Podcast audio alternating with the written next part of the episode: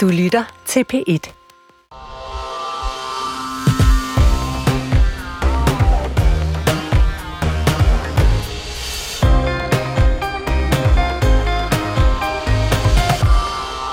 I går stemte hele Folketinget om, hvorvidt FE-sagerne skulle undersøges af en grænsningskommission. Det drejer sig om sagen om hjemsendelsen af medarbejderne i Forsvarets efterretningstjeneste, tiltalerne mod Claus Hjort øh, Frederiksen og den tidligere FE-chef Lars Finsten, og sagen om Ahmed Samsam. Det var en samlet opposition, der stod bag forslaget, men onsdag aften der sendte Justitsministeriet en pressemeddelelse ud om, at regeringen og SF var blevet enige om en aftale, der indeholder en styrkelse af tilsynet med øh, efterretningstjenesterne, en udvidelse af FE-undersøgelseskommissionens mandat og en undersøgelse af den såkaldte Samsam-sag. Og derfor så stod SF ikke længere bag oppositionens forslag om, at FE-sagen skal undersøges af en grænsningskommission, og på den baggrund blev forslaget altså nedstemt af et flertal bestående af regeringen og SF. Nu får SF altså kritik fra de øvrige partier i oppositionen. SF de bliver beskyldt for at være skruebrækker og skødehunde og for at svigte oppositionen. Vi spørger i dagens p debat om den her aftale er med til at sørge for, at alle sten nu bliver vendt i FE-sagen, og er udvidelsen af FE-undersøgelseskommissionens mandat nok for oppositionen. Det skal vi diskutere frem til kl. 13.30 i dag, og du kan altså blande dig i debatten, hvis du ringer ind på 70 21 19 19 eller sender en sms til 1212. Du skal bare skrive P1, lav et mellemrum, og så din besked.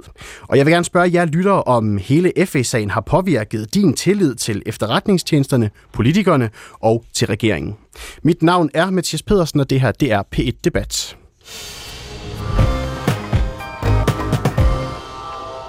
Pernille Vermund, velkommen til. Tak for det. Du er formand for Nye Borgerlige, og jeg læser lige noget op, som du har skrevet på det sociale medie X. Du skriver sådan her. Pia Olsen Dyr er endnu en gang rullet rundt og har lagt sig på ryggen.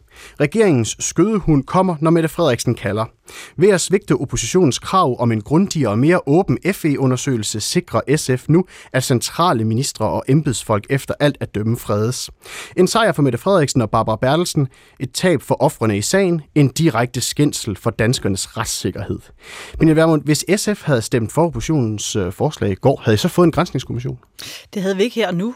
Men der var jo en reel mulighed for, særligt når vi ser på meningsmålingerne og den manglende opbakning til regering øh, blandt danskerne, så var der en reel mulighed for, at vi efter næste valg ville have et stort flertal for at få undersøgt denne her sag til bunds. Og hvorfor er det vigtigt at vente så eventuelt til, til, til det næste valg?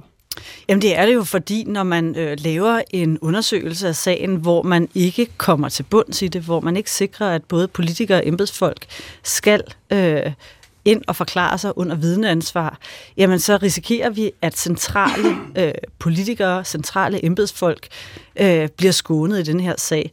Og, øh, og der er jo ikke nogen tvivl om, at der er begået eklatante fejl. Og der er heller ikke nogen tvivl om, at øh, det er sket i en regeringsperiode, hvor vi har set en række andre sager, som jo lugter af, at øh, man har koncentreret magten helt tæt omkring statsministeriet Mette Frederiksen og Barbara Bertelsen. Og derfor er det afgørende for os, at vi får fundet ud af, hvad er det, der er foregået i den her sag. Der er en mand, der er øh, blevet smidt i fængsel.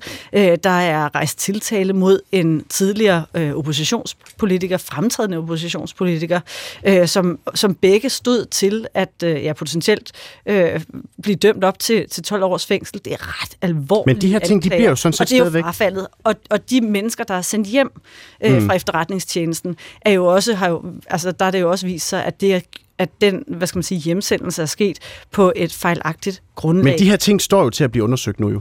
De står til at blive undersøgt, men på en måde, som Justitsministeriet bestemmer. Og det betyder, at det jo er regeringen og regeringens eget ministerie, der nu sætter rammerne for, hvordan det skal undersøges. Altså simpelthen laver lovgrundlaget for den her undersøgelse. Det, som vi gerne ville, det var jo at sikre, at den undersøgelse, den blev, øh, hvad skal man sige, lagt i Folketinget, i øh, en grænskningskommission, hvor man har mulighed for fra Folketingets side at sige, hvad er det, øh, der skal undersøges, også hvad er det for, for mm. embedsmænd og, og politikere, der skal tale under, eller der skal afhøres under vidneansvar, og at resultaterne af det også kom øh, til og meget af til det her, Og meget af det her, Pernille Vermund, det dykker vi ned i senere øh, i udsendelsen. Jeg kunne godt lige tænke mig at, at blive lidt ved den her retorik, der kommer fra dig af, fordi øh, du brugte ordet i går i Folketingssalen for skruebrækker mm. om øh, SF. Det er jo sådan et fagforeningsterm. Det er da ikke noget, der sådan generelt kommer ud af din mund, er det det? Ej, nu er som jeg også sagde, jeg vokset op med en far, som har været fagforeningsmand øh, det meste af hans øh, aktive erhvervsliv, og derfor øh, er det jo selvfølgelig også noget, som har fyldt en del i min opvækst. Og jeg, jeg har det sådan, at når man, øh, når man har en mulighed for at påvirke magthaver, vi står så tæt på altså et flertal, vi er et stort mindretal, der står sammen, og man så ender med, at SF bliver det svage led i kæden, der gør, at vi ikke kan få løst det her problem. Mm. Men nu så siger synes du, jeg simpelthen, det er men nu siger øh, du, sammenlignet med skruebrækker. Nu siger du at påvirke magten. Altså, faktum er jo, at mm. hvis SF havde øh, blevet øh, med oppositionen, så var det her forslag jo stadigvæk ikke kommet igennem. Man kan vel også argumentere for, at SF faktisk kan være med til at påvirke magten med at være med i en aftale? Jamen, det er jo en meget sød tanke, men der vil jo ikke være det er, vel sand, fra... er det ikke sandheden, at de har været med til at påvirke aftalen? Så? Jo, nærmest ikke. Altså, prøv at høre. Da, sandheden er, at der ville ikke være nogen som helst interesse fra, regerings, fra regeringens side for at række ud til SF, hvis ikke det var, fordi de vidste, at de havde en dårlig sag. Og SF ville ikke efterfølgende stille sig op på talerstolen og tale om, at man måske burde have taget en skudsikker vest på, når man stillede sig op, hvis ikke de vidste, at de havde gjort i nælderne. Så det, som SF har fået, det er nærmest ingenting. Det, de til gengæld har kostet øh, Danmark, det er jo en åbenhed og en indsigt i, hvad er det, der er foregået. Karina øh, Lorentzen, velkommen til. Tak. Du er retsordfører for SF. Har I svigtet oppositionen og fået regeringen i den her sag? Altså, der var ikke noget, der havde været lettere for mig og for SF, end at holde fast i en grænsningskommission. Den var jo så blevet stemt ned og lagt væk. Øh, og øh, regeringen har jo indbudt os alle sammen øh, til at snakke om FE-kommissoriet, og det har vi selvfølgelig valgt at gå til.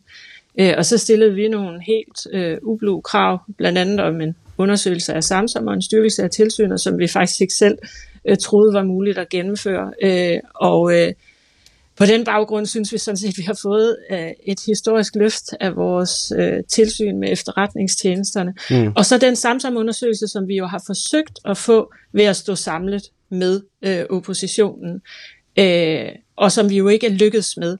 Så det synes jeg faktisk alt i alt er en god aftale. Og ja, jeg kan da godt forstå, at oppositionen er skuffet, men virkeligheden er jo, at det kommissorie, som vi har lagt frem i fællesskab, det havde jo ikke skyggen af en chance for at blive gennemført. Regeringen havde flertal i sig selv. Mm. Skulle vi så undlade at bruge vores mandater på at få SF-politik igennem, som vi har kæmpet for i rigtig, rigtig lang tid, Øh, det synes jeg også vil være en Men, mærkelig situation. Karina Lorentzen, altså øh, Pernille Vermund siger her, det man kunne have gjort, det var jo, at man kunne have ventet som en samlet opposition, og så hvad have været en stor opposition ved efter et øh, folketingsvalg, så kunne have samlet sig om et flertal, og så have fået den øh, grænsningskommission, som man ønskede. Altså, der er jo et gammelt ordsprog, der hedder, en fugl i hånden er bedre end 10 på taget. Nu får vi rent faktisk en undersøgelse, og jeg tror egentlig også, det bliver en fin undersøgelse. Øh, og det er jo ikke sådan, at vi er afskåret fra at lave ekstra undersøgelser. Jeg, jeg, hvis det skulle vise sig, det er at der fordi, jeg, tror ikke, jeg tror ikke, jeg helt forstår, hvad du mener med, med det udtryk i den her sammenhæng. Jo, men altså, vi har fået noget ud af den her forhandling, og også noget, vi har kæmpet for i 20 år. Øh, det øh, vil jeg sådan set hellere gå med, end at vente Øh, jeg ved ikke, hvor lang tid øh, guderne må vide, hvornår der kunne opstå et, et flertal for en grænsningskommission. Øh, der har vi valgt at sige, at, øh, at vi har sådan set fået nogle ting igen, som vi synes er rigtig, rigtig vigtige for os. Og ja, så får vi også en undersøgelse af FE-sagen, øh, og jeg tror også, det bliver en ret god øh, undersøgelse af FE-sagen. Noget af det, som øh, Pernille Vermund siger er vigtigt, det er jo, at øh, det også omfatter det politiske niveau. Det kommer det til. Mm. Det kommer også til at se på, er der øh, taget øh, usaglige hensyn, politiske eller personlige, og det er jo det, alle spekulationerne går på, at det her og jeg, orkestreret af regeringen. Jeg har det taget, vi jo også til ja, at se på. Og jeg har taget aftaleteksten med herind, så vi skal nok gå ned i de enkelte detaljer lidt senere i, i programmet, men hele argumentet med, at vi jo har en flertalsregering, som i princippet bare kan øh, stemme alt igennem, det princip kan man vel bruge i alle sammenhænge i Folketinget på nuværende tidspunkt. Så med den logik, som du præsenterer der, vil det så ikke svare til, at man siger, at nu behøver oppositionen faktisk slet ikke at stille nogen forslag overhovedet i Folketinget, fordi de bliver alligevel ikke stemt igennem? Prøv at her, jeg stiller masser af forslag i Folketinget, som jeg godt ved ikke har skyggen af en chance for at få et flertal. Øh, sådan er det jo. Øh, men det betyder jo ikke, at jeg ikke kan få en dialog og en debat.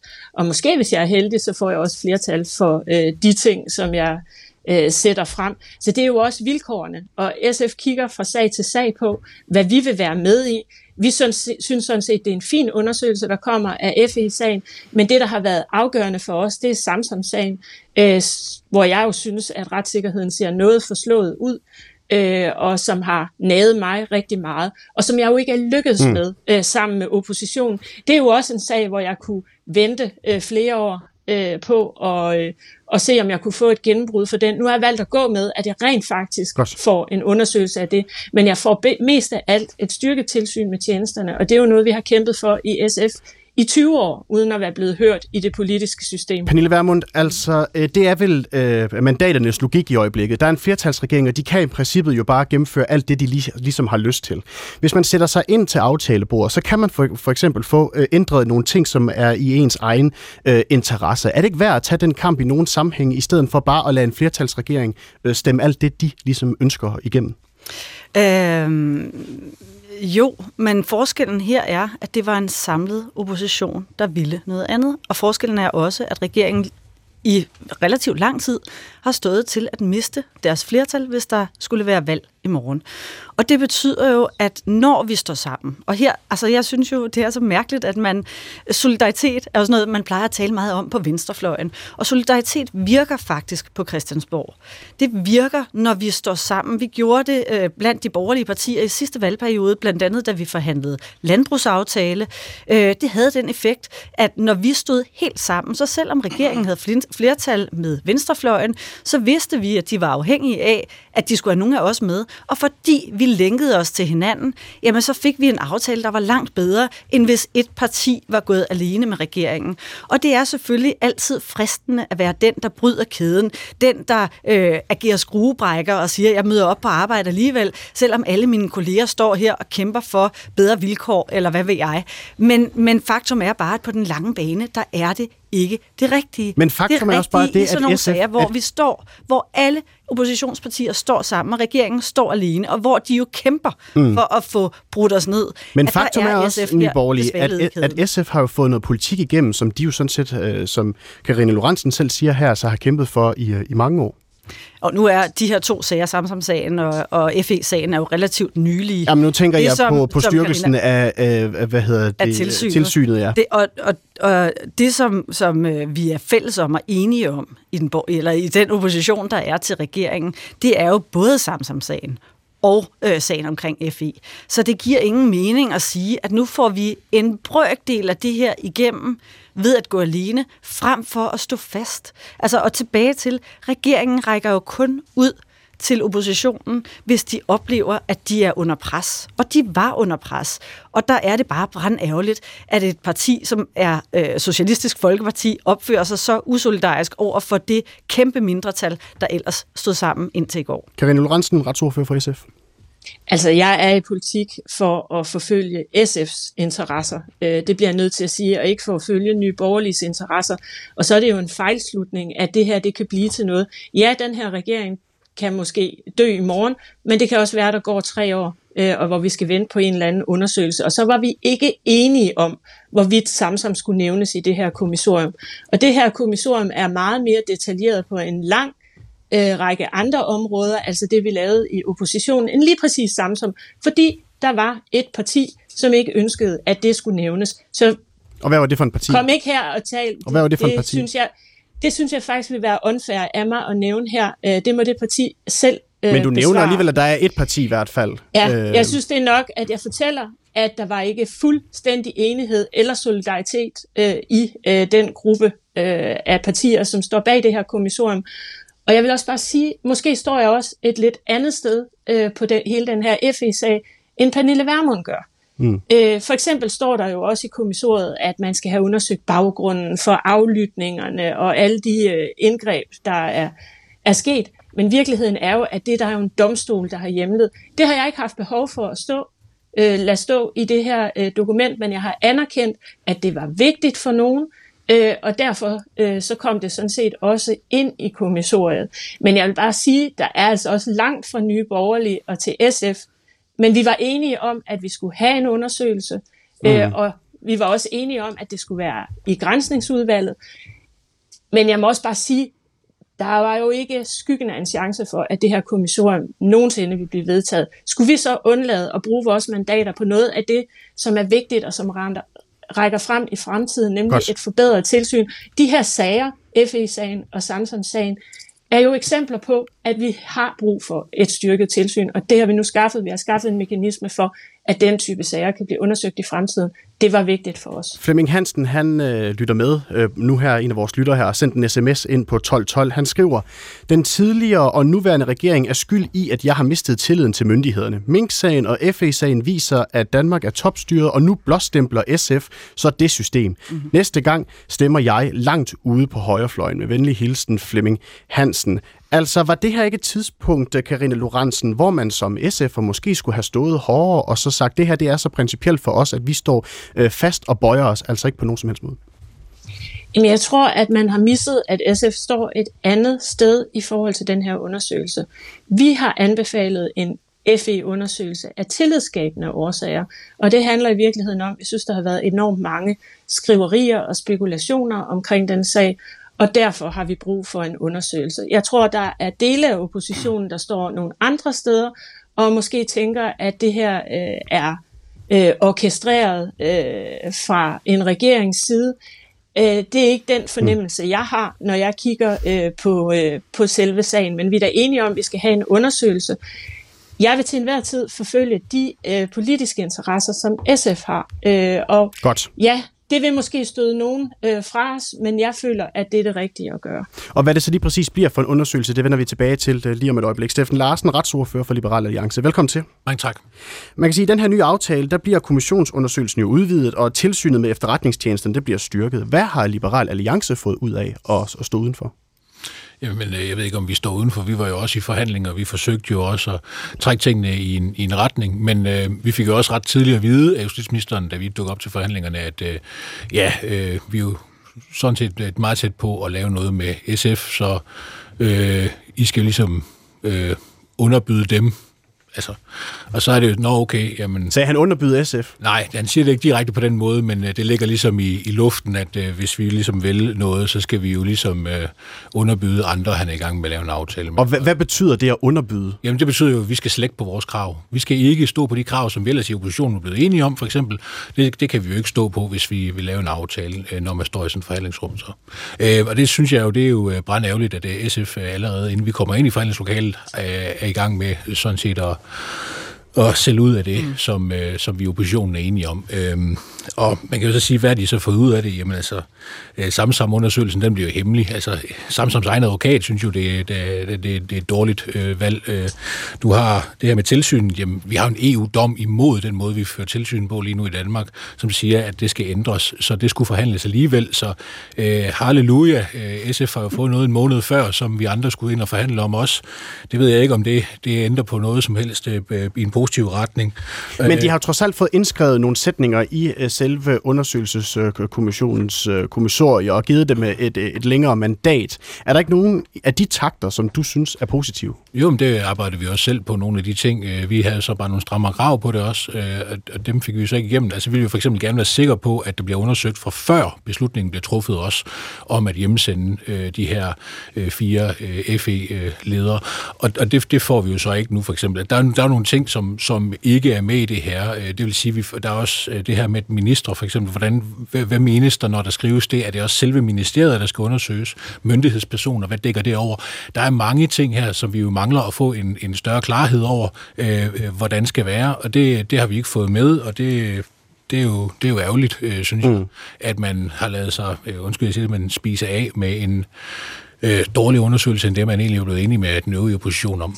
Niels Jespersen, velkommen til. Tak for det. Chefredaktør på netavisen Pio. Øhm, Synes du, at SF svigter oppositionen i den her sag? Jeg er svært at se, hvad, hvad SF skylder resten af oppositionen. Altså, det, er jo, det er jo klassiske fangernes dilemma, øh, som, som man kender fra spilteori og, og statskundskabsteori, der ses her. Ikke? Altså, den, der først løber med indsatsen, øh, får, får meget mere ud af de andre. Altså, jeg tror...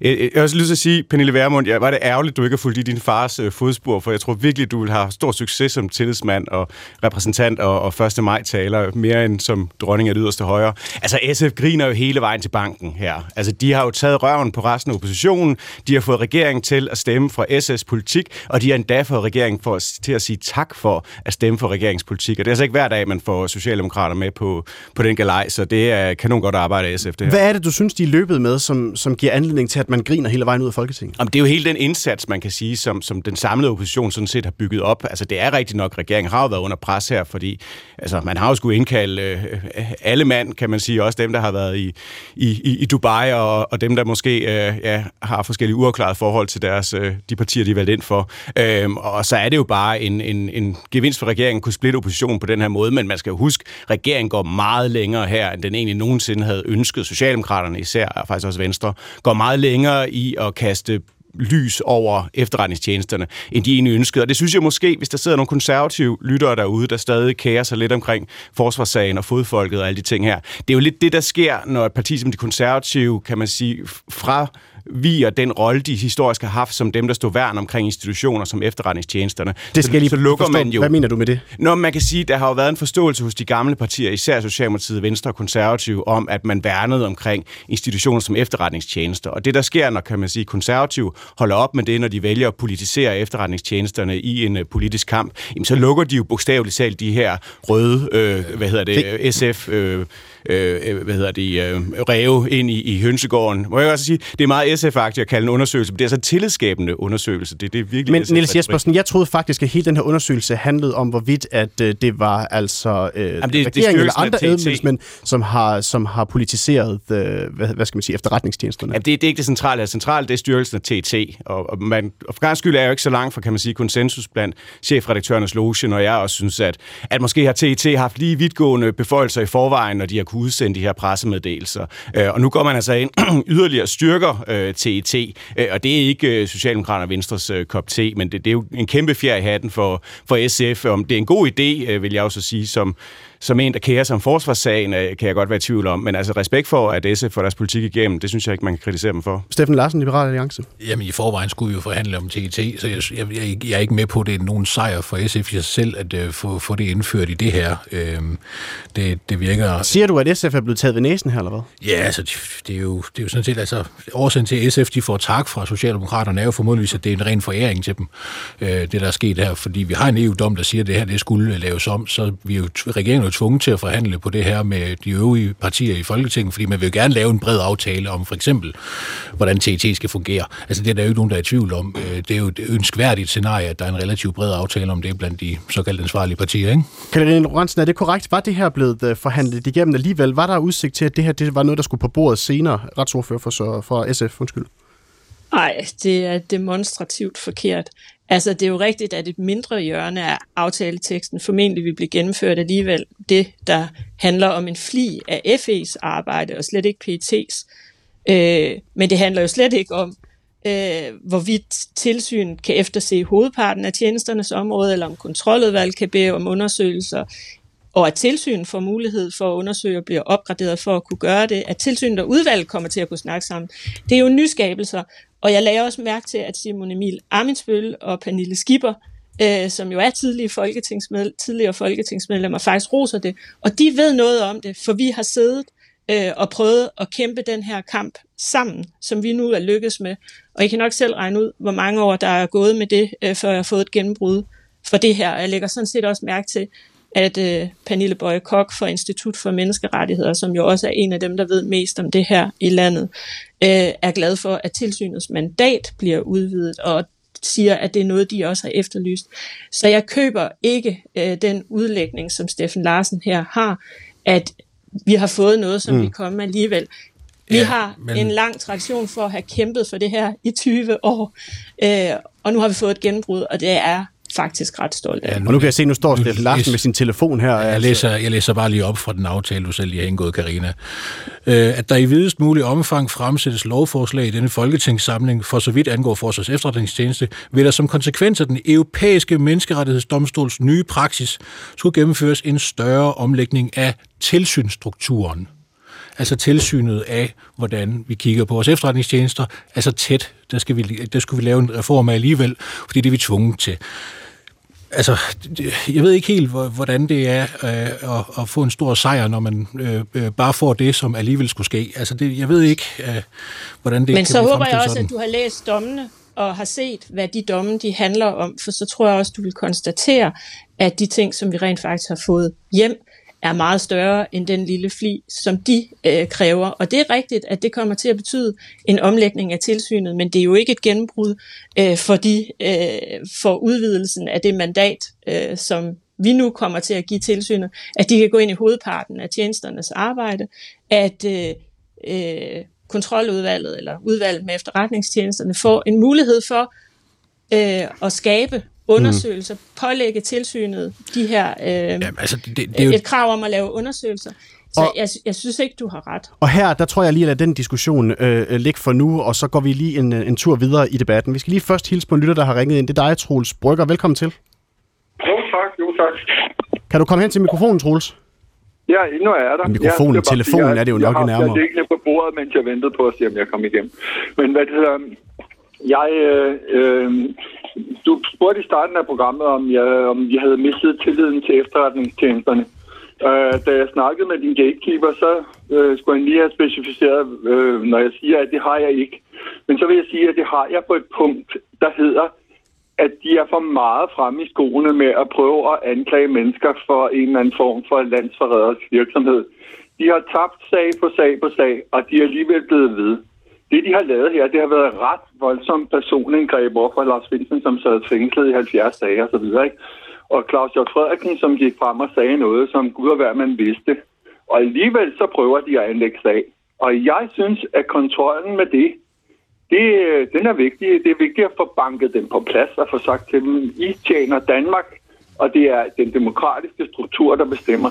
De er lige blevet banket på plads af højesteret, som sagde, at disse sager skulle foregå for åbne døre, hvorpå regeringen trak sagerne, fordi det ville man ikke. Mm. Og derfor vil jeg sige, at øh, jeg tror, at SF, jeg er enig, jeg er altså rød, men jeg er enig med de borgerlige her. SF er blevet taget grundigt i røven, mm. fordi at de simpelthen, de, de, de kan ikke komme til at få den afgørende betydning på det her. Det er helt klart, at Socialdemokratiet og Venstre ikke vil have mere offentlighed omkring efterretningstjenesterne, på trods af de her graverende sager. Og som det blev nævnt tidligere, så kommer Samsam-sagen til at foregå for lukkede døre. Mm. Det bliver ikke meget klogere af. Godt. Troels, du får lige et svar fra øh, Karine Lorentzen fra SF. Ja. Altså for det første vil jeg sige, at det er jo altså øh, anklagemyndigheden, som ligesom tager stilling til, øh, om en sag kan føres eller ej. Øh, og der indgår jo klassificerede oplysninger. Så det er jo ikke givet, øh, at der ikke havde været en sag. Det får vi jo bare aldrig at vide i forhold til øh, Claus Hjort og Finsen. Så det bliver jeg nødt til at sige. Øh, hvad der er regeringsmotiver i det her, ja, til synligheden har det måske været bekymret for at gennemføre en, øh, en FE-undersøgelse med egne mandater, men de havde jo flertal og kunne jo sådan set bare gøre det. At vi så udnytter, at vi har et grænsningskommissorium til rent faktisk at få øh, en undersøgelse af Samsung-sagen og en styrkelse af tilsynet, øh, det synes jeg faktisk er øh, noget af et gennembrud, øh, og ikke noget, som jeg havde troet muligt, øh, og som jeg ja. slet ikke havde forestillet mig, at de ville have givet øh, SF. Ja, ja, men jeg hører det. Og så, så har jeg det sådan noget med, at øh, Samsung-sagen bliver jo lukket. Og hvis du læser weekendavisen fra i går, så vil du se en øh, juraprofessor, som har en lang artikel, som, øh, som går ud på, at, at det netop er, som jeg beskriver, at det er blevet til stort set ingenting i forhold til at få kontrolleret de her ting.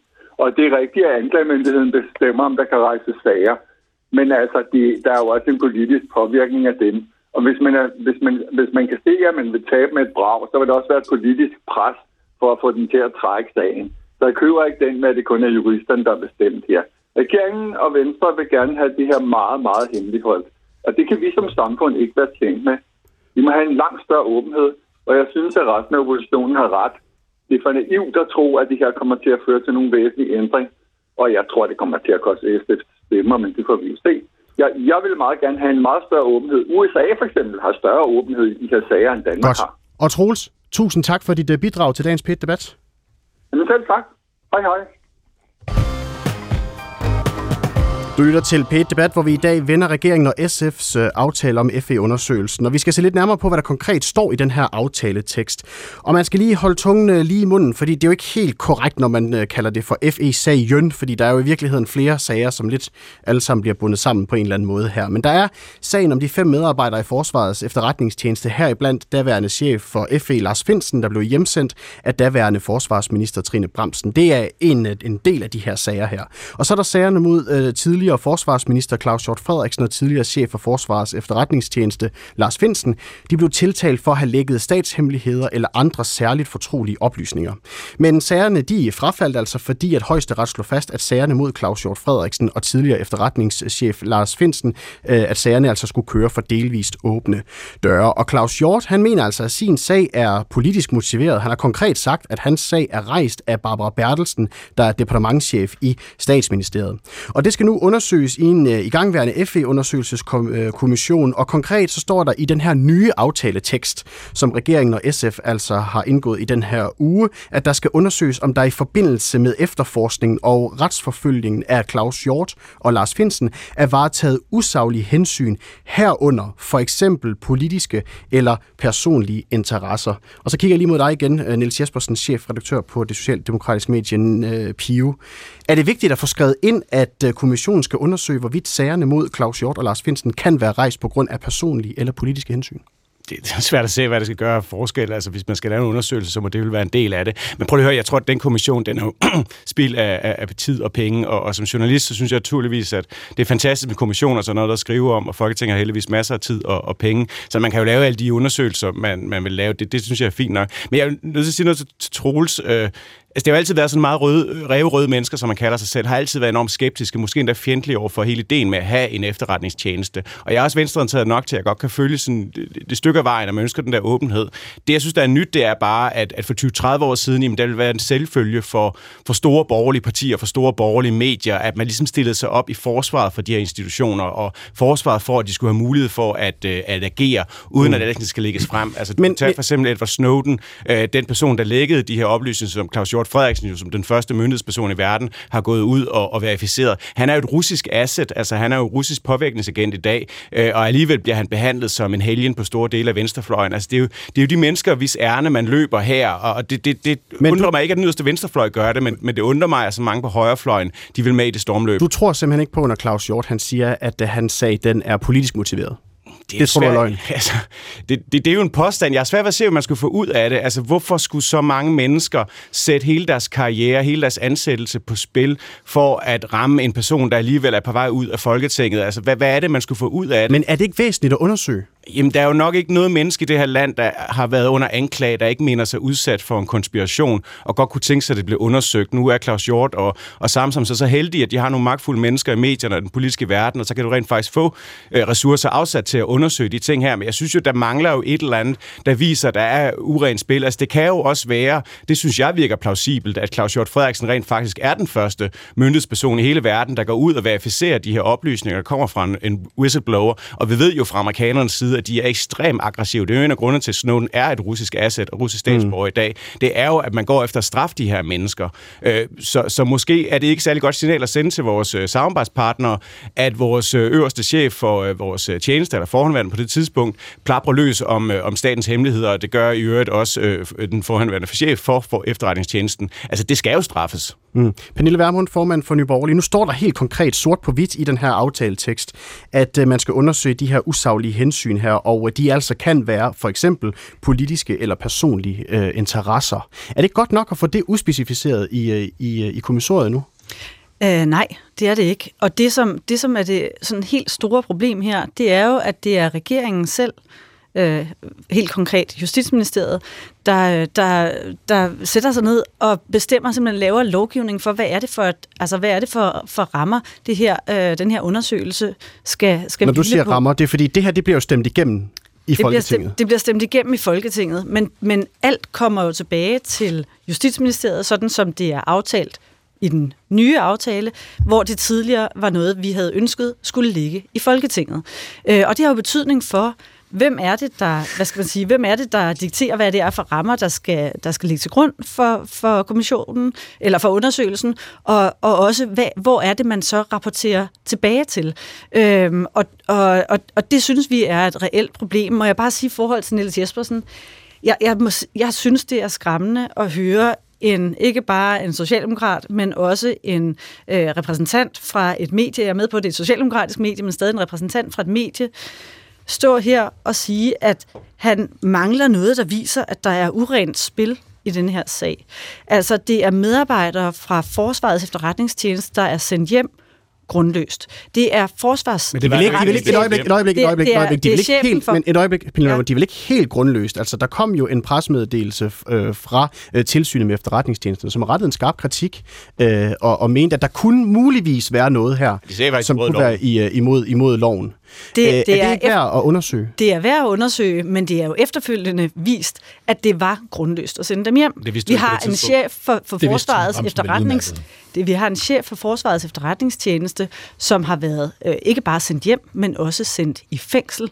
Øh, blev øh, passet op i lufthavnen af politiet og kørt direkte i fængsel i december måned, og, og, og sad der øh, hen over jul og nytår. Det er en øh, tidligere fremtrædende oppositionspolitiker, som har ikke bare været under anklage, men som også stod tiltalt, og som jo gudskelov nu øh, mm. kan slippe fri, fordi man også fra, fra myndighedernes side har, eller fra, fra domstolenes side har sagt, det her, det er en sag, som selvfølgelig skal øh, foregå åbent, fordi han er politiker. Men Pernille Vermund, så, Lars, så, Lars, at Lars man Finsen, står, Lars Finsen må jeg heller ikke, så at man står som repræsentant for medierne og siger, der mangler noget, der viser, at der er urent spil, det, det, det kan jeg simpelthen ikke begribe. Så kan vi men, tale om, men, hvor la- skal den ligge, ja, den her Pernille undersøgelse, og hvad skal Må den jeg dække? tilføje noget? Ja, ja, jeg skal nok komme rundt uh, til alle sammen et øjeblik. Men lige først, Pernille Vermund. Ja. Altså, Lars Finsen, han bliver jo arresteret varetægtsfængslet, fordi han jo senere også bliver tiltalt for at have lækket uh, hvad hedder det, højt kvalificerede statshemmeligheder. Altså, så det er vel ikke helt ubegrundet, at han på det tidspunkt bliver varetægtsfængslet. Og så kan det godt være, at, han så, at sagerne så bliver droppet. Det er jo sådan, retssystemet jo sådan set fungerer.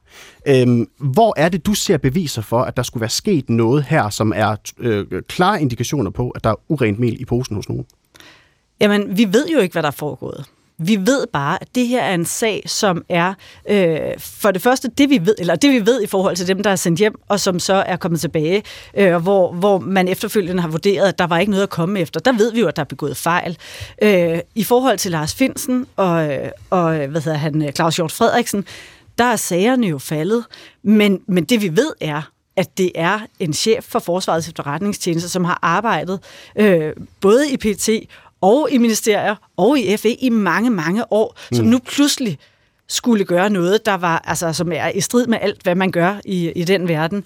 Og også et fremtrædende medlem af oppositionen, et venstremand, som har været altså, øh, helt oppe, som, som nu øh, stod, for, stod for tiltale. Og så er det der, Pernille Vermund, jeg så ja. lige slår ned på det her med, ja. at der nu står i den her aftaletekst, at man også vil undersøge politiske eller personlige interesser, om der skulle have været noget på spil der, mm. øh, i forhold til de sager, som du lige mm. også har ridset op her. Mm. Prøv lige igen lige at forklare, hvorfor det ikke er nok, fordi det vil jo så blive undersøgt i den her undersøgelseskommission?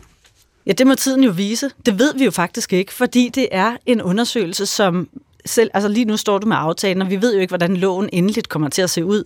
Øh, det havde vi haft mulighed for at påvirke, hvis man havde stået fast i oppositionen. Nu er det regeringen og SF, der øh, bestemmer det, og det betyder, at det bliver regeringen, som får lov til at bestemme, hvor, hvordan skal man undersøge sig Og det er fordi, du frygter, at den her undersøgelse, den ligesom bliver i Justitsministeriet, ikke kommer over i for eksempel et grænsningsudvalg, hvor der sidder en repræsentant for hver øh, politisk parti? Det er det, og jeg synes jo helt grundlæggende, der er noget forkert i, at man øh, skal undersøge sig selv. Altså, at man skal lave rammerne for, hvor meget skal man selv undersøges. Øh, det er ikke ret lang tid siden, vi havde en ren øh, socialdemokratisk regering med opbakning fra venstrefløjen. Der stod Venstre, som nu sidder i regering, sammen med de øvrige borgerlige partier og krævede, at denne her sag skulle undersøges til bunds. Jeg har spurgt Venstre i Folketingssalen øh, for ganske nyligt, om vi kan være sikre på, at det vi skrev i den pressemeddelelse sammen, alle borgerlige partier, også er det, som denne her undersøgelse kommer til at indeholde. Og det er jeg jo spændt på at se, når vi, øh, når vi nu ser lovgrundlaget. Og øh, jeg er også lidt spændt på at høre svaret nu, fordi nu har vi faktisk fået en repræsentant for Venstre, Janne Jørgensen, i studiet. Velkommen til. Tak skal du have. Du er medlem af, Folketinget for Venstre, og så sidder du også i retsudvalget. Øhm, det her med, at øh, Pernille Vermund er bange for, at det bliver ligesom en undersøgelse, hvor det bliver regeringen, der undersøger sig selv, fordi det ikke har råd i grænsningskommissionen, hvor der sidder, eller ikke grænsningskommissionen, undskyld, grænsningsudvalget, hvor der sidder et medlem fra hvert øh, parti. Kan du følge den bekymring for Pernille Vermund af? Nej, den kan jeg overhovedet ikke følge. Altså, det er samme model, som der har været ved en række andre øh, kommissionsundersøgelser. Tamilsagen for eksempel. Øh, nu er Poul Slytter her desværre ikke mere, men hvis man havde kunne spørge ham, om det var øh, Poul Slytter, der undersøgte øh, sig selv, så tror jeg, han ville sige, nej, det var det i den grad ikke. Altså, det er øh, uafhængige øh, landsdommer udpeget efter indstilling fra øh, domstolene selv. Altså, øh, jeg synes, vi skal passe meget, meget på med at puste til den her mistillid, øh, som jeg synes sker lige nu. Det er sjovt, altså, som man får nye toner, når man er gået i regeringen. Et øjeblik, et øjeblik. Janne, altså, jeg, jeg, jeg, jeg, jeg, jeg, jeg, lige, jeg er lige kommet. Må jeg få lov til at sige noget? Tak. Det må du. Godt. Øhm, jeg synes, at det må stå klart for enhver, at efterretningstjenesterne har fået en alvorlig ris i lakken, og at den tillid, som skal være omkring efterretningstjenesterne, ikke længere er der. Jeg mener, det var en kæmpe fejl i sin tid, at daværende minister Trine Bremsen øh, hjemsendte øh, blandt andet Lars Finsen, og vi har jo også øh, senere fået at vide, at det var øh, grundløst. Øhm, den tillid, den skal genopbygges, og det er svært. Og hvis vi så starter med at så mistillid ved de dommere, som skal undersøge det her. Men... Øh, altså det er, det er min allerstørste frygt. Min allerstørste frygt, det er, at hvis der kommer et resultat, som så ikke passer Pernille Vermund med flere, altså så bliver man ved med at sige, at det, det kan vi ikke bruge til noget, og det passer ikke osv. Og Janne altså, vi, skal have, vi skal have genopbygget tilliden, og jeg har stor tiltro til danske domstole, og er helt sikker på, at de kommer til at undersøge, om Claus Hjort har ret i eksempelvis, at det var øh, politisk øh, betinget, at øh, han blev tiltalt osv. Og hvorfor jeg har, er det så ikke, Jan, domstolen. Janne Jørgensen, når du selv i talsætter, at øh, der er øh, et far for, at, der, at vores efterretningstjenester har slået et, et, et hårdt, øh, fået et hårdt ris i lakken på tillidsfronten, og det samme måske med systemet. Hvorfor er der så ikke nogen grund til at være, hvad skal man sige, ekstra åben omkring sådan en undersøgelse her, og lægge den i grænsningsudvalget til gode se oppositionens øh, hårde ønske og være så, øh, hvad skal man sige, så gennemsigtig som overhovedet muligt? Altså nu er der jo stor forskel på at undersøge øh, det hemmelige politi, som efterretningstjenesten er, og så undersøge alt muligt andet. Altså jeg er sådan set enig med, med Niels Jespersen så langt i, at hvis du har et hemmeligt politi, som ikke kan have nogen hemmeligheder, øh, det dur jo ikke. Og derfor så bliver noget af det her nødt til at foregå øh, i fortrolighed for, at der ikke Men det er der vel ikke nogen, nogen grænse, altså det er der vel ikke nogen, hvad skal man sige, forhindring ved, at man ved, at man har en grænsningskommission? Jo, oh, det er der. Jo, det er der. Hvordan altså, det? Hvordan? Altså, jamen, forklar. forklar. Jamen, altså, prøv at Folketings... Niels Jespersen fra... Øh, Værnepligtige har, er sikkerhedsgodkendt på et højere niveau end folketingsmedlemmer. Det er fordi folketingsmedlemmer ikke er sindssygt dygtige til at holde på, på hemmeligheder. Værnepligtige må for eksempel vide, hvordan man folder sin t-shirt i forsvaret til tjenestebrug. Det, det må folketingsmedlemmer ikke. Så hvis du lægger de her ting, når du har adgang til som folketingsmedlem, så kommer det ud. Grund til, at vi ved rigtig meget om det her, for eksempel omkring Lars Finsens sexliv, det er jo blandt andet fordi, at folketingspolitikere ikke er sindssygt dygtige til at holde på hemmeligheder. Men, men, Ej, må jeg, må jeg jamen, ikke bare, et øjeblik, undskyld, bare lige for at få lidt saglighed ind i det et øjeblik, Der er også noget, Pernille Vam, ja. et øjeblik. Jeg stiller lige et spørgsmål først. Der er jo, vi har jo allerede fået højesterets øh, ord for, at der er jo sådan set dele af de her sager her, som sagtens kan, gå, kan foregå for delvist åbne døre. Det har ja, vi jo højesterets øh, ord øh, for. Hvorfor er der så ikke dele af det, som vil kunne foregå i fuld åbenhed i, øh, i, en, øh, i en grænsningskommission for eksempel? Nu spørger Janne Jørgensen fra Venstre. Jamen altså, konklusionerne kommer til at øh, være øh, fuldt offentlige, øh, og dem kan jeg læse. Der vil ikke sidde journalister derinde og kan rapportere øh, på, på timebasis. Nu snakker du om den nuværende model. Ja, ja. Det, altså, fordi altså, det er jo svært at vide, hvornår der øh, bliver sagt noget, som er klassificeret, og hvornår der bliver sagt noget, der ikke er klassificeret. Det er enormt svært at lukke dørene med tilbagevirkende kraft. Så altså, altså jeg mener, at det her skal foregå så åbent som overhovedet muligt, uden at kompromittere efterretningstjenesten. Og jeg håber og tror, at vi har fundet en model, som vil tilgodese det hensyn. Steffen Larsen, retsordfører for Liberal Alliance. Jamen, jeg, jeg har jo masser af ting, jeg gerne vil sige lige nu. Øhm, altså, ja, der, der er to minutter til en radiovis, så meget tid har du ikke. Nej, men ved du nummer et, der er jo ikke nogen, der så tvivl om de her landsdommers evner. Det vi så tvivl om, det er det kommissorium, det skal arbejde efter. Altså ikke landsdommernes evne til at være professionelle og ordentlige og savlige og alle de her andre ting her. Så den der stråmand, øh, Janne Jørgensen, den kommer med om det, den må han øh, selv ligge og rode Er det ikke med. en stråmand, når der bliver sagt, at regeringen undersøger sig selv? Så er det altså ikke en stråmand. Det er jeg ikke, selv, der skriver det kommissorium, de skal arbejde ja, efter. men det er ikke regeringen, der undersøger regeringen. Det er, Det er- domstolen, det, der undersøger Det er en domstol, der undersøger efter de papirer, I selv har skrevet, de skal undersøge efter. Det synes jeg, det er jo- kan vi jo så diskutere om, hvorvidt det så er regeringen, der, der bestemmer, hvordan de skal undersøges. Men nu skal du lige hjælpe mig her. Altså sådan et, sådan et kommissorium er ikke noget, der skal, der skal stemmes igennem i øh, Folketinget. Jo, og regeringen har jo sit eget flertal, så det kan de jo bare gøre. Men er det ikke mandaternes logik så? Jo, jo, det er, det er også det, jeg siger. Det er også derfor, at vi helst i oppositionen skulle have stået sammen. Det er derfor, at vi er så sure på øh, SF. Det er fordi, nu står vi jo sværere efter et øh, valg, der eventuelt kunne komme. Vi ved jo aldrig, hvornår den næste moderat springer fra eller, eller andet. Men altså, derudover så er det jo en eller anden afart af wife-beating, der foregår med det her med, at man øh, hvad hedder det, øh, hele tiden taler om ekstra tilsyn af efterretningstjenesterne. Det er jo ikke efterretningstjenesterne, der har gjort noget forkert her. Dem, der har gjort noget forkert, det er jo politikere. Det er embedsmænd, som har gået efter de her. De, de fire hjemsendte... Hvor, hvordan, og hvordan ved du, de er gået efter dem? Hvordan ved du det? Ja, vi må jo konstatere, at der var nogen, der blev hjemsendt grundløst. Og Trine Bremsen, hun gjorde det jo øh, fuldstændig grundløst. Det, er- det, det, det er jo det, vi kom frem til indtil nu. Øh, og så må vi jo konstatere, at når det er sket grundløst, og det er det, fordi at Det tilsyn. Det er tilsynet for efterretningstjenesterne, tilsynet for efterretningstjenesterne siger øh, sådan nogenlunde, hvad det er, de mener, der er gået galt. Og der ved Trine Bremsen, hvis ellers hun øh, er på den øh, vidensniveau, som hun burde være som øh, forsvarsminister, at det, de udtaler sig negativt om, det er øh, de, præcis de papirer, som Claus Hjort han får problemer for at udtale sig om. Hvis hun vidste det, så skulle hun jo aldrig have hjemsendt dem. Og her der sætter jeg et punktum, vide. Steffen Larsen, eller måske et komma, fordi vi når simpelthen ikke mere i den her omgang. Der er en radiovis om 10 sekunder. Heldigvis så er der mere øh, P1-debat på den anden side, hvor vi altså fortsætter med at diskutere FE-sagen. Vi er tilbage igen efter en radiovis. Klokken den er 13.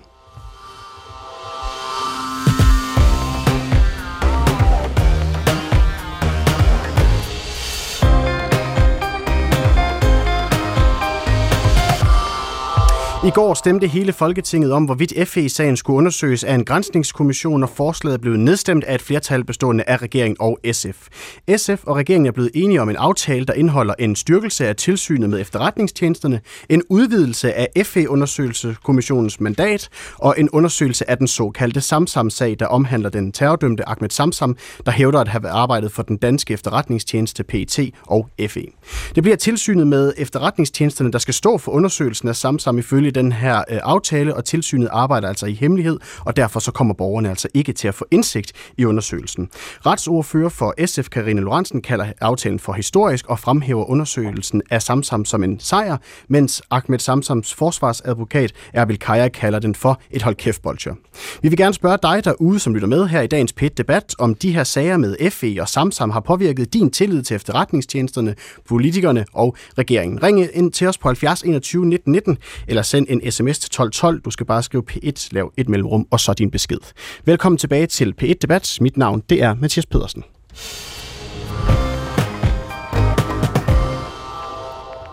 Og så kan vi byde velkommen til dig, Erbil Kaja. Velkommen til. Jo, tak. Det er dig, der er forsvarsadvokat for øh, Ahmed Samsam, og du øh, står uden for øh, Ringsted Arresthus lige i øjeblikket. Øhm, da du så den her pressemeddelelse om, at SF og regeringen altså havde indgået en aftale, og at i, i den her aftale, der lå altså en undersøgelse af Samsam-sagen. Hvad var din øh, reaktion så? Min helt umiddelbare reaktion, det var, det var en glæde, men, men selvfølgelig også øh, en afdæmpet glæde, fordi jeg har ligesom været helt op at ringe øh, i forbindelse med valgkampen, hvor stort set alle partier, bortset fra et enkelt parti, sagde, at Samsung-sagen skulle undersøges efter valget. Og da regeringen så blev nedsat, så øh, viste der sig at være en anden virkelighed. Så, så, så jeg tog det lidt med en græns, med, med, med grænsalt, øh, og da jeg så læste øh, aftalepapirerne, øh, der forstod jeg, øh, hvorfor at, øh, at der ikke var så meget at juble over. Ja, hvad er det, du læser i aftalepapirerne, som gør, at der ikke er så meget at juble over, hvis man spørger dig? Man kan sige, for det blotte øje, så virker det meget godt, at øh, man vil undersøge Samsung-sagen. Det kræver, øh, det, det, det trænger øh, den sag jo i den grad til. Så jeg er jo selvfølgelig tilhænger af, at øh, den sag den bliver øh, efterforsket, eller i hvert fald undersøgt i en undersøgelseskommission. Så det, det vil vi selvfølgelig byde velkommen, men, men altså, vi kan jo godt se øh, skriften på væggen i, i aftaleteksten, forstået på den måde, at øh, det skal ske for lukkede døre, altså tilsynet øh, skal, skal køre det her for lukkede døre, og den beretning, der kommer, og konklusionen, der kommer, den skal så afrapporteres til kontroludvalget, altså udvalget for efterretningstjenesterne, som også opererer øh, under øh, stillhed og tavshed og mur, og, og spørgsmålet er, hvad skal vi bruge det til? Altså, hvad skal vi konkret operativt bruge det til, Og når for du siger at vi, få genoptaget? når du siger vi, Abelkai, er det så dig og så øh, Samsung? Samsung. Mm. Ja, altså i forhold til Samsung-sagen, altså nu, vi, vi, det, det vi har gang i den civile sag nu, øh, som skal i højesteret forhåbentlig i løbet af næste år, øh, sagen er ikke på rammen endnu, men, men øh, vi, vi, vi vil jo gerne have fastslået, at han var igen, således at vi kan gå til Spanien og få genoptaget den sag, hvor han er dømt med urettet. Øh, så så hvad, hvad kan vi bruge den undersøgelse til? Kan vi bruge den til at få noget erstatning for det? Kan vi få en undskyldning fra efterretningstjenesterne? Kan vi bruge den til at gå til, til, til de spanske domstol og få genoptaget sagen? Det hele det kommer til at køre for lukkede døre. Vi ender med nul og niks, sådan som jeg læser øh, situationen. Godt. Du skal lige øh, møde øh, Karine Lorentzen, retsordfører for SF, fordi det er jo SF, der har været med til at få forhandlet det her ind i aftalen. Øh, øh Karine, der er et konkret spørgsmål øh, fra Abel Kaya af. Hvad kan, øh, hvad kan han selv og Ahmed Samsang bruge den her undersøgelse til? Jamen, man kan bruge det til, eller bruge undersøgelsen til øh, at forvisse sig om, at der nu for første gang øh, bliver foretaget en tjek af, hvad der er op og ned øh, på den sag. Øh, og det er jo en sag, som virkelig, virkelig har nævet mig, sådan som den fremstår i pressen, øh, har jeg været dybt bekymret over den. Øh, og der, altså, den står jo fuldstændig uafklaret hen. Øh, det kan hverken af- eller bekræftes, øh, at det her det er foregået. Øh, og så kan jeg jo selvfølgelig godt forstå, at øh, det for Samsom og hans advokat er utilfredsstillende, at man ikke kan få konklusionerne øh, af en eventuel undersøgelse. Men jeg har brug for at forvisse mig om, at, øh, at der ikke er sket et eller andet, som ikke skulle være sket. Øh, og, øh, Så det er fordi, du har en personlig interesse i at finde ud af, om Ahmed Samsung i virkeligheden var agent?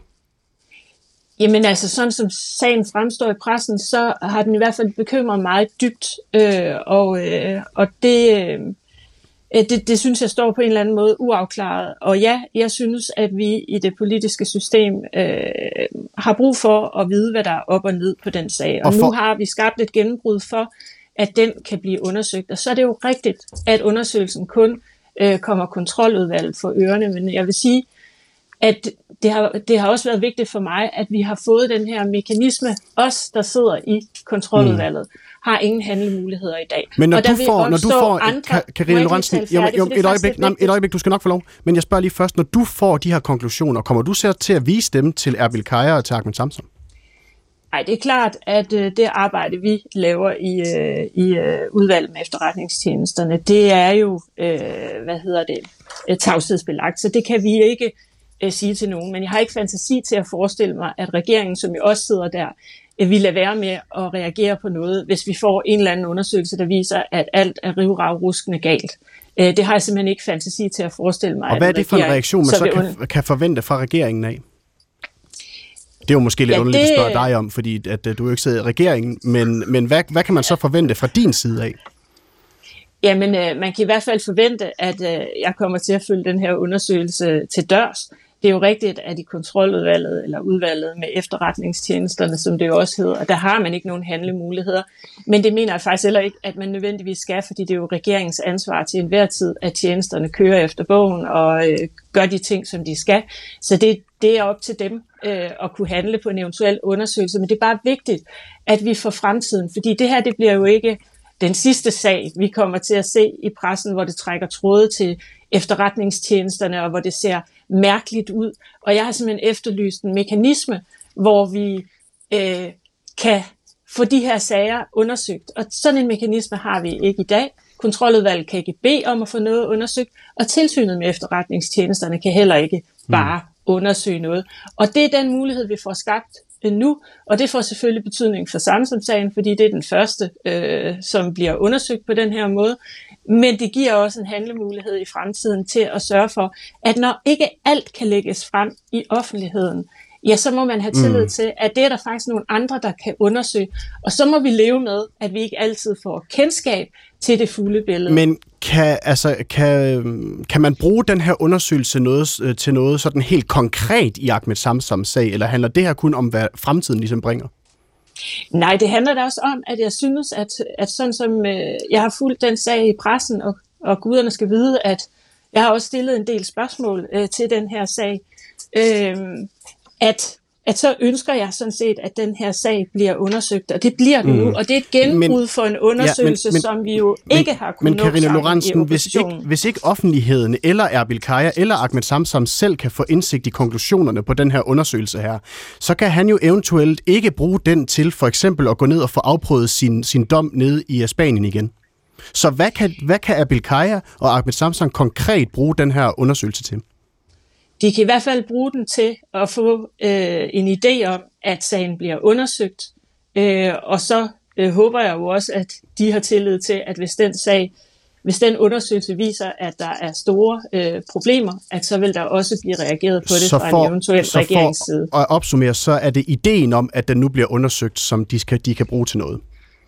Jeg vil sige, det vil jo altid være sådan med sager, øh, der trækker tråde til efterretningstjenester, at det kan man ikke lægge frem i offentligheden. Det er jo også det, der er udfordringen, kan man sige, øh, i FE-sagen. Øh, og det vigtige er, at vi får en mekanisme her, øh, som sørger for, at de her sager kan blive undersøgt, øh, at man kan tale med medarbejderne øh, i tjenesterne omkring de her sager og mm. finde ud af, hvad der er op og ned øh, på det. Og vi ved jo ikke, hvad der er op og ned på Samsam-sagen. Øh, og derfor synes jeg også, at det, det er meget tidligt at foregribe, hvad sådan en undersøgelse egentlig kan medføre. Godt. Det vigtige er, at vi nu ved, at der er nogen, som øh, ved noget om det her, øh, om tjenester, øh, som kan kigge ind i den her type af sager. Erbil Kajak, øh, som forsvarsadvokat for Ahmed som gør det dig øh, roligt, at du nu har ideen om, at der er nogen, der undersøger, hvad der er op og ned i den sag? Nej. Øh, jeg vil nærmest sige, at det her det gør mig urolig, øh, forstået på den måde, at øh, Øh, altså, det, det, som jeg kan frygte, det er, at øh, når regeringen falder på et eller andet tidspunkt, og der kommer andre til og gerne vil undersøge det her. Fordi det, det, det altså, hvis ikke i dag eller i morgen, så, så kommer der på et eller andet tidspunkt en undersøgelse af det her. Det, det, det, det, det er helt det er utvivlsomt, at det er der ikke øh, nogen, der kan leve med.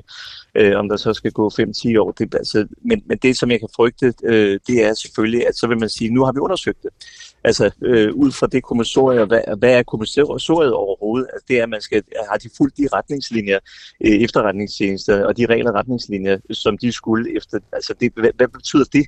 Øh, det så, så også det er ganske uklart.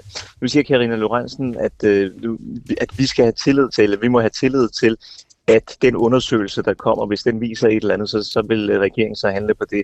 Og der kan, jeg, der kan jeg roligt sige, at vi har intet øh, til overs eller tillid til øh, myndighederne eller regeringen i den her sag.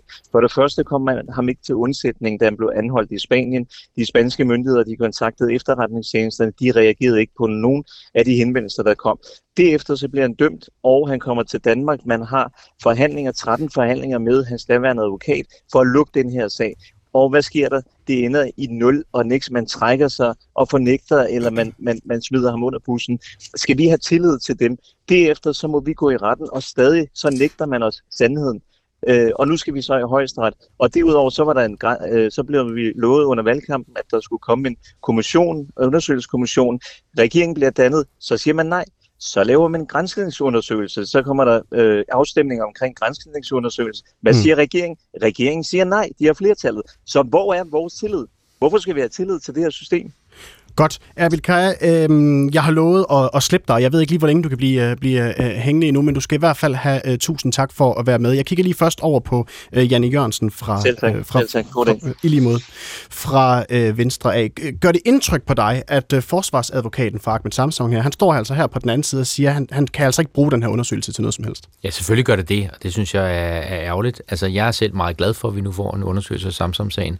Det har jeg sagt uh, gennem hele forløbet, at jeg ønskede mig. Jeg havde selv kastet håndklædet i ringen til sidst og øh, opgivet, øh, og ham blot måtte stole på, at han ikke har været udsat for et øh, justitsmord. Men jeg synes, det er rigtig, rigtig godt, at øh, det nu bliver undersøgt. Og jeg anerkender selvfølgelig, at når man skal undersøge øh, efterretningstjenestens arbejdsmetoder osv., så, så kan det altså ikke foregå i øh, fuld offentlighed. Men jeg er da super ærgerlig, og jeg kan sådan set godt forstå, at øh, Abel Kaja og Ahmed Samsam øh, ikke har den store øh, tiltro til danske myndigheder, fordi øh, alt tyder jo på, at han blev ladt i stikken. Men, Men det er nu det, vi får undersøgt. Blev han ladt i stikken?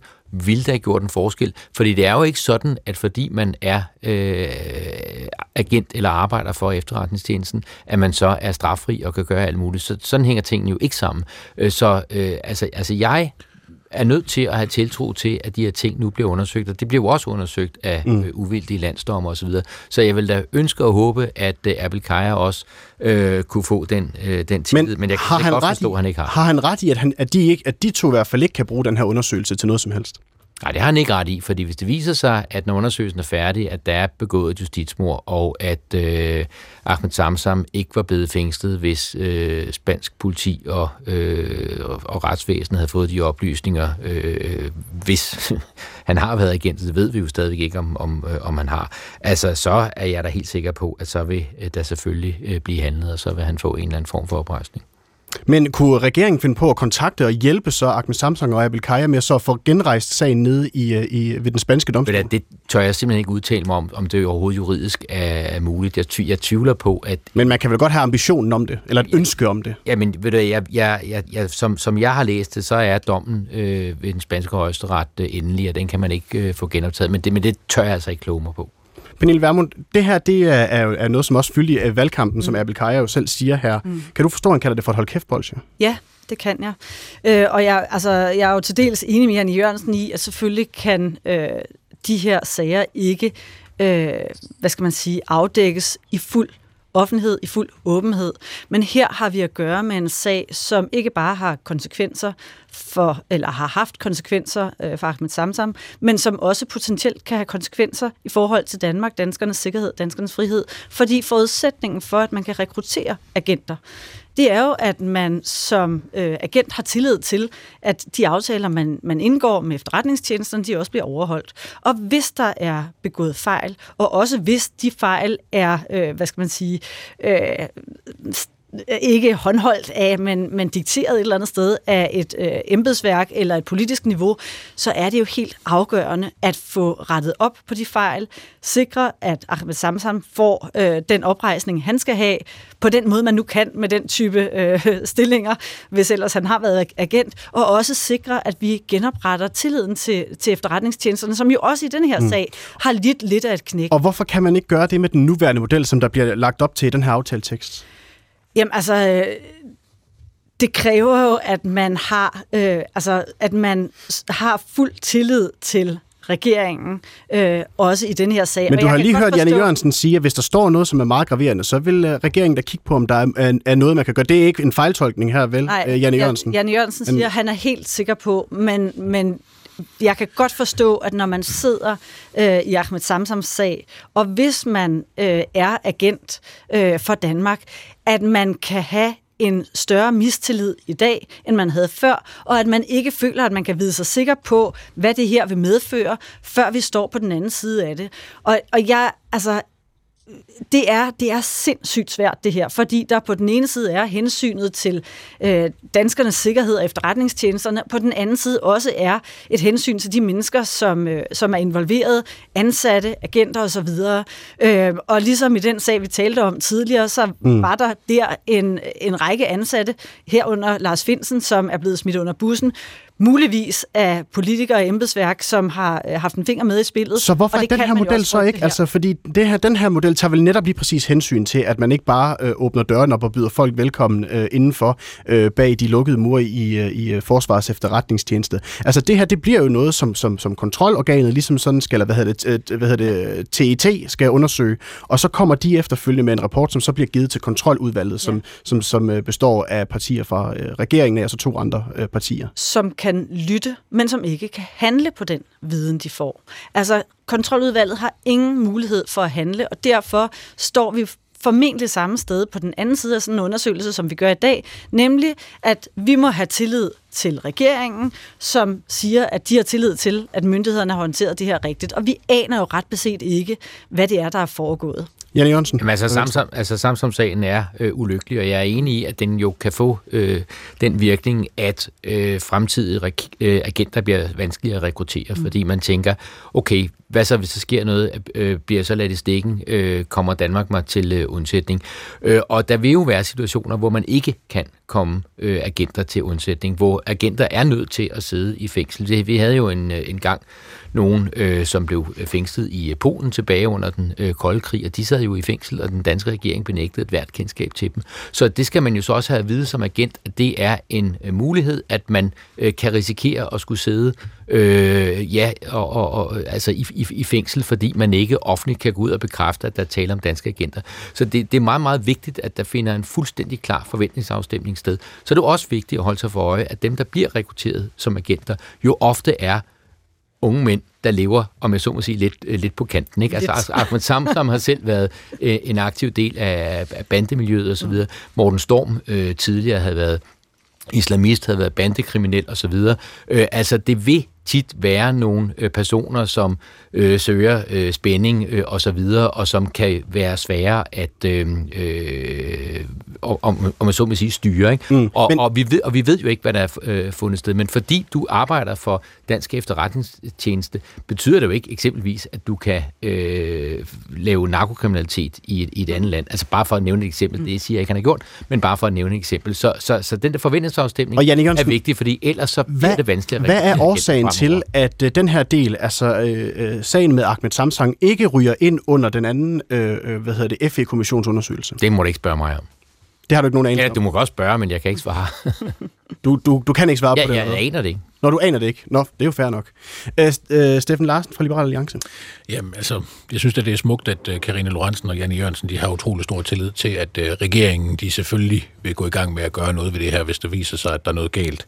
Øhm, regeringen har stået imod et hvert forsøg på at få belyst den her sag her.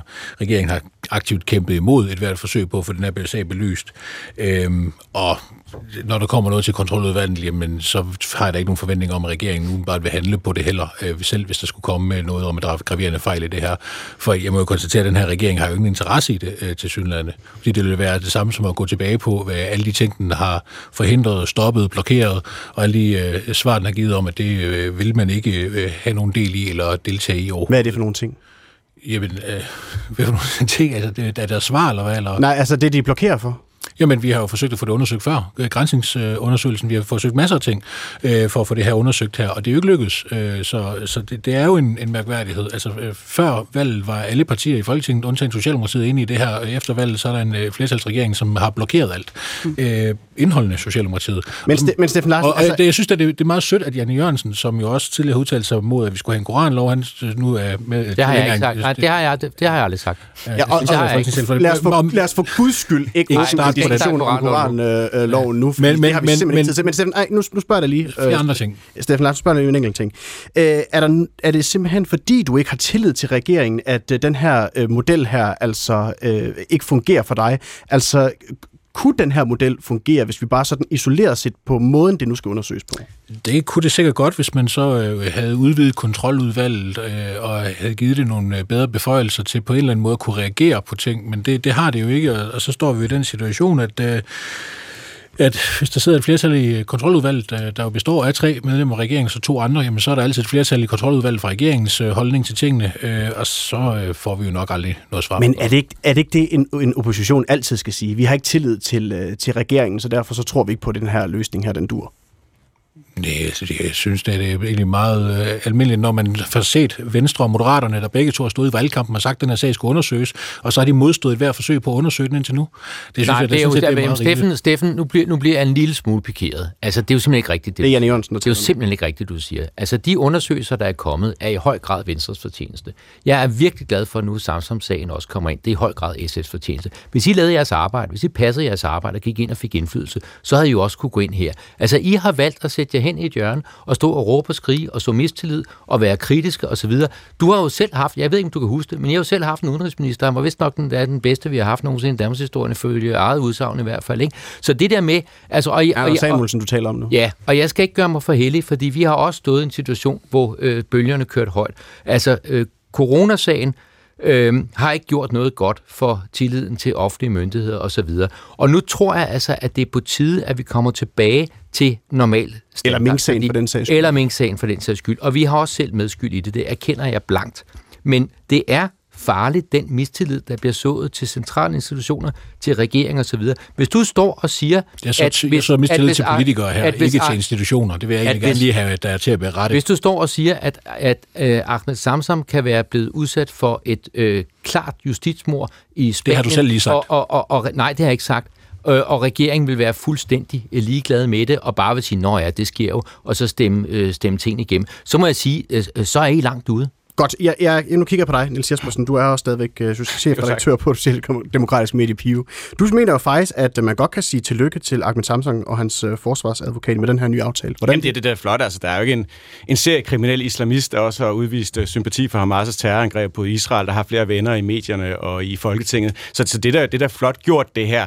Uh, og igen, som journalist, synes jeg at man skal undersøge alting, så det er jo fint, så har vi noget at skrive om. Men, men ja, altså, jeg må bare sige, vi har et tilsyn med efterretningstjenester, vi har uh, Øh, et sikkerhedsudvalg. Det er oppositionens opgave ikke at have tillid til politikerne, eller til regeringen. Men det er ikke oppositionens opgave ikke at tillid til institutionerne. Vi har brug for de her institutioner til at forsvare os. Og lige nu står vi i en situation, hvor det her bliver et politisk kastebold. Efterretningstjenester, det venstre, konservative, hedderkronede partier, politiseret det i valgkampen. Nu er det så noget, som bliver en eller anden studehandel, der sker, fordi nogle medlemmer af regeringen har haft lidt for lange fingre, nogle efter lidt for unge piger, så mangler man deres mandater. Det er ekstremt farligt, at vi er på vej ned øh, af den her sliske. Folketinget skal sætte sig ned og skal finde ud af, hvad kan vi have et tilsyn med de her efterretningstjenester tjenester, som vi har tillid til, og så skal man vedtage det, og så skal man lade være med at gøre det her til et politisk spil, fordi det er faktisk en rigtig bananstat. Det er, at vi er part i en, øh, en væbnet konflikt med Rusland, vi er under terrortrussel, øh, og så skal vores efterretningstjenester gøres til, øh, til sådan en, en politisk øh, legeplads. Men, men, nu bliver der faktisk ikke lidt rundt omkring bordet her. Altså, jo, men når man fængsler Lars Finsen, som var chef for efterretningstjenesten, det er jo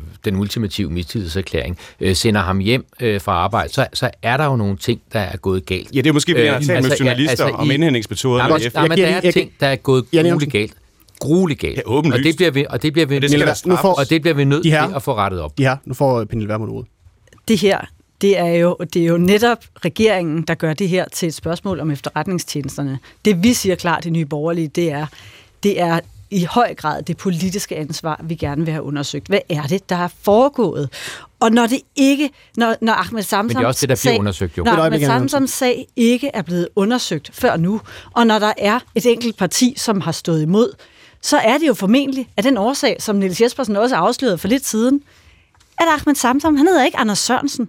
Havde han heddet det, så havde sagen nok haft et andet forløb så havde sagen nok haft et andet nu nævner, du også et, nu nævner du også et parti, der er imod. Kan du sætte navn på det parti nu? nu, I ja, nu, nu, nu, nu nævnte du selv Socialdemokratiet, så det har du selv sagt.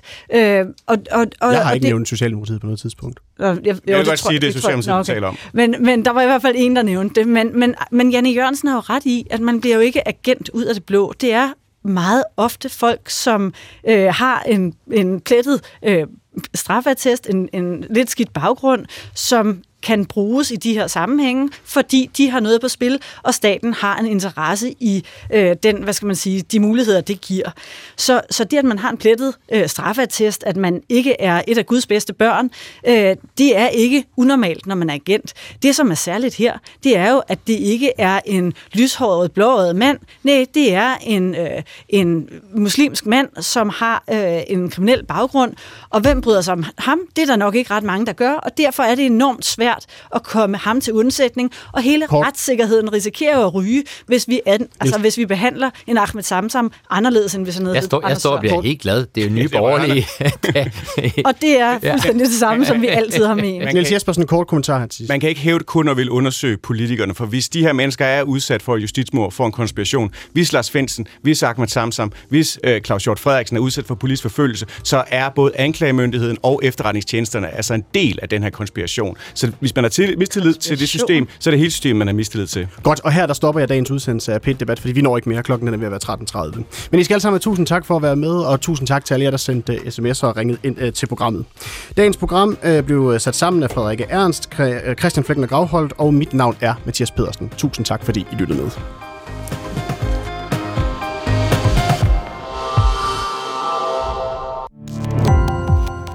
Gå på opdagelse i alle DR's podcast og radioprogrammer. I appen DR Lyd.